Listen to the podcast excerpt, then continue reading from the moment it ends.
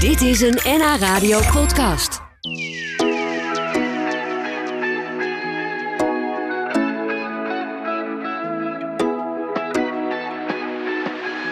Soraya, jij bent bekend van, nou laten we even gaan zeggen, TikTok. Ja. Moet je eerst even uitleggen eh, aan onze luisteraars wat TikTok precies is. Want eh, eh, veel luisteraars eh, blijven ook een beetje hangen bij Pim Pam Pet. Maar daar heeft het niks mee te maken.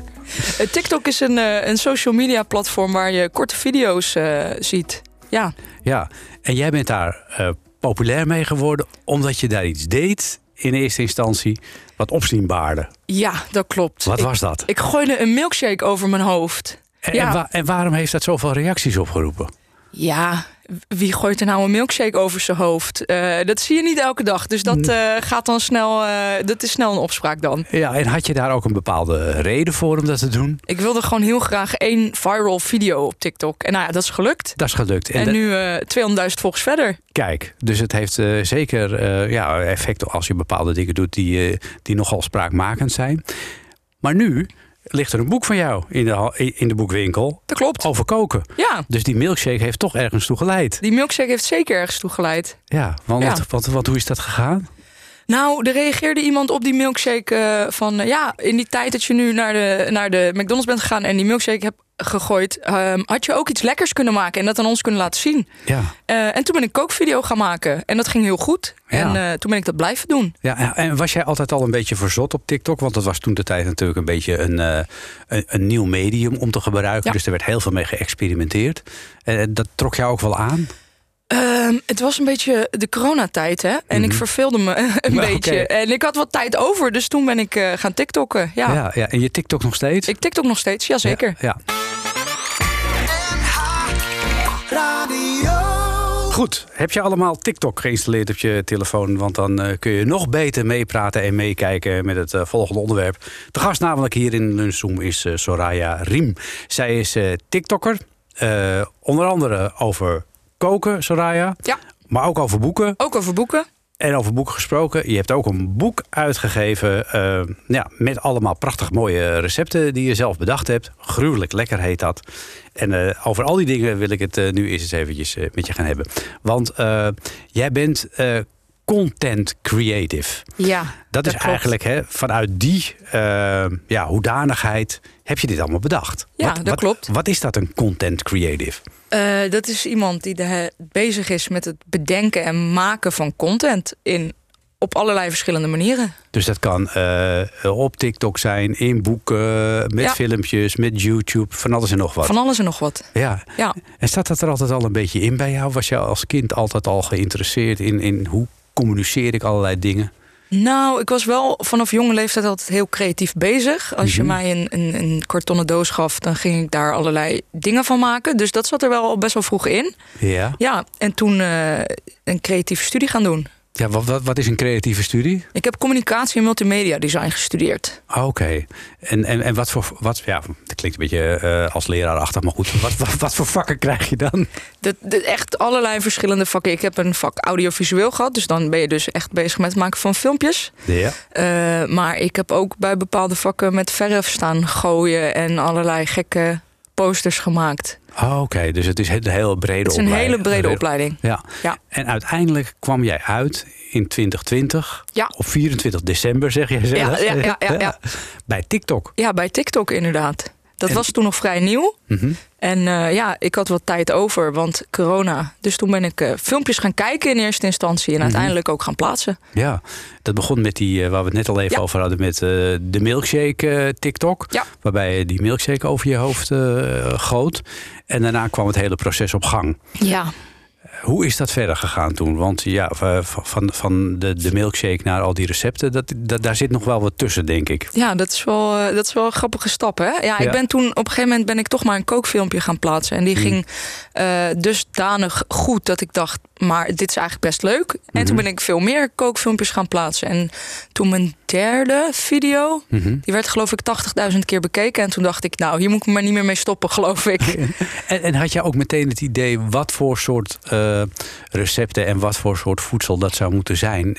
Want het moest natuurlijk ook iets zijn wat een beetje in de smaak valt bij de TikTokkers. Ja, ja, dat klopt. En toen ik begon met TikTokken was de doelgroep op TikTok nog vrij jong. Dus dan ehm, is het wel handig als je vrij toegankelijke recepten maakt.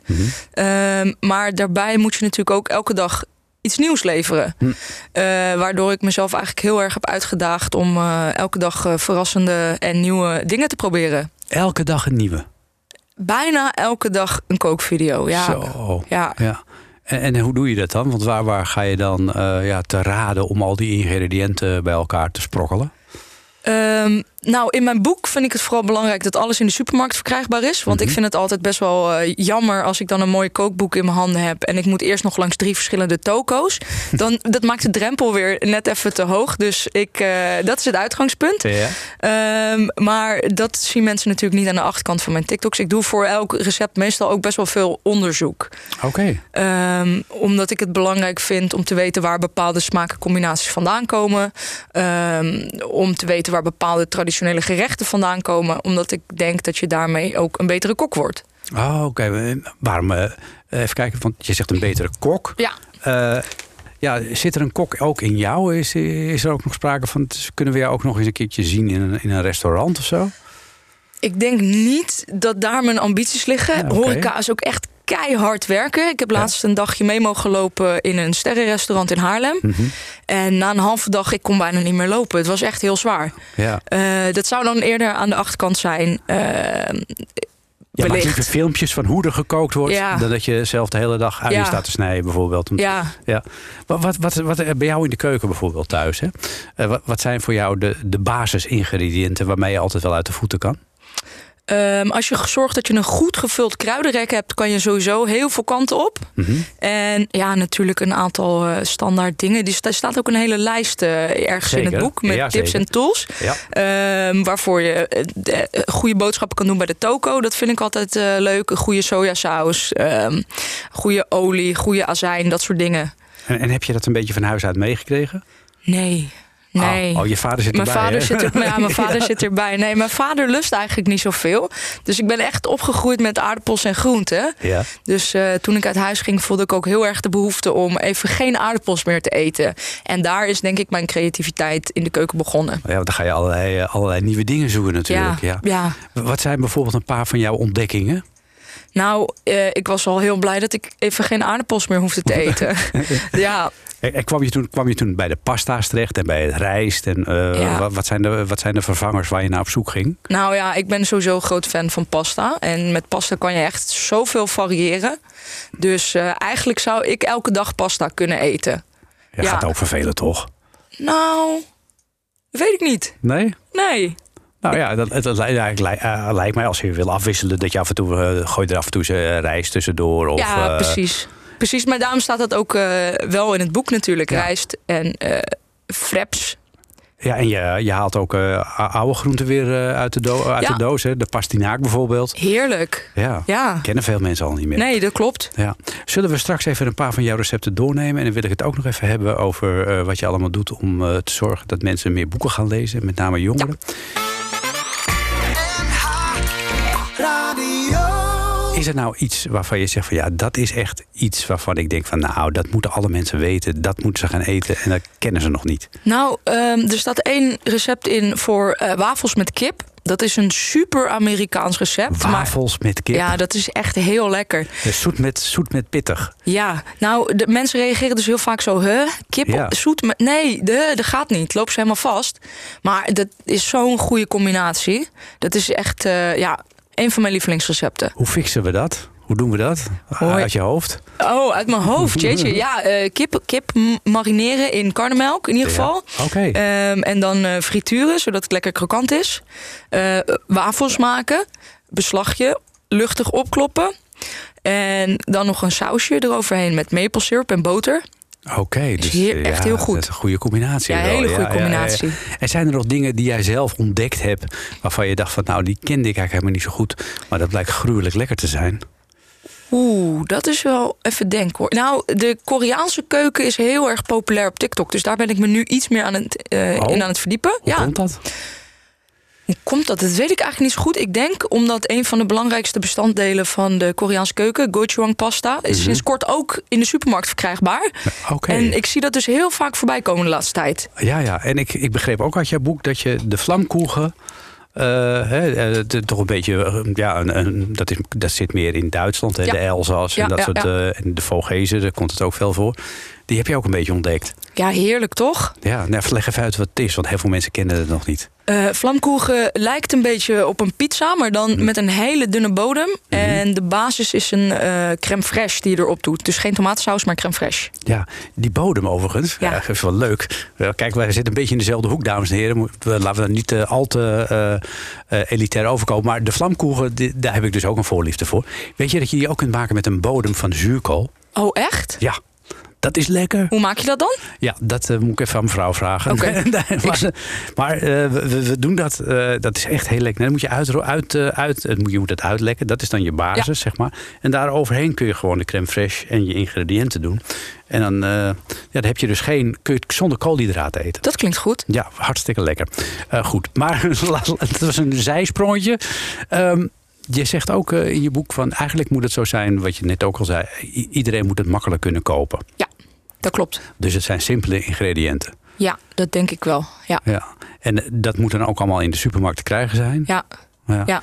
En- En, en zijn dat dan, mm, eh, ga je dan ook nog eh, uit van een bepaald budget? Dat je denkt van nou, ik kan dat wel doen, maar het moet ook weer niet te duur worden. Nou, ja, ik kijk eigenlijk nooit zo heel erg naar mijn budget. Eh, Oh, Ik kijk. krijg die opmerking op TikTok inderdaad wel vaker... of ik wat goedkopere dingen kan maken. Ja. Ehm, maar ik vind eigenlijk aan alle dingen waar ik mijn geld aan uitgeef... eten het belangrijkste. Oké. Dus ik kijk gewoon niet zo heel erg naar de prijzen. Al wordt het de laatste tijd wel echt duur hoor in de supermarkt. ja, ja, dat, Ja. dat- ik denk dat iedereen het wel merkt. ja. Nou ben jij natuurlijk zelf nog jong. TikTok is ook voor een jonge doelgroep.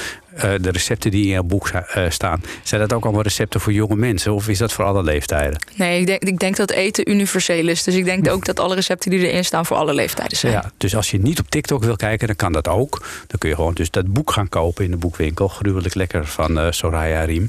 Eh, jij bent ook op TikTok eh, ja, genomineerd als een persoon die eh, er heel veel eh, moeite voor doet om eh, jonge mensen met name aan het lezen te krijgen. Ja, dat klopt. Hoe is dat zo gekomen? Nou, eh, ik werd toen iets populairder op TikTok. En dan op een gegeven moment willen mensen meer over jouw persoonlijke leven weten. Ik werkte toen nog bij een uitgeverij.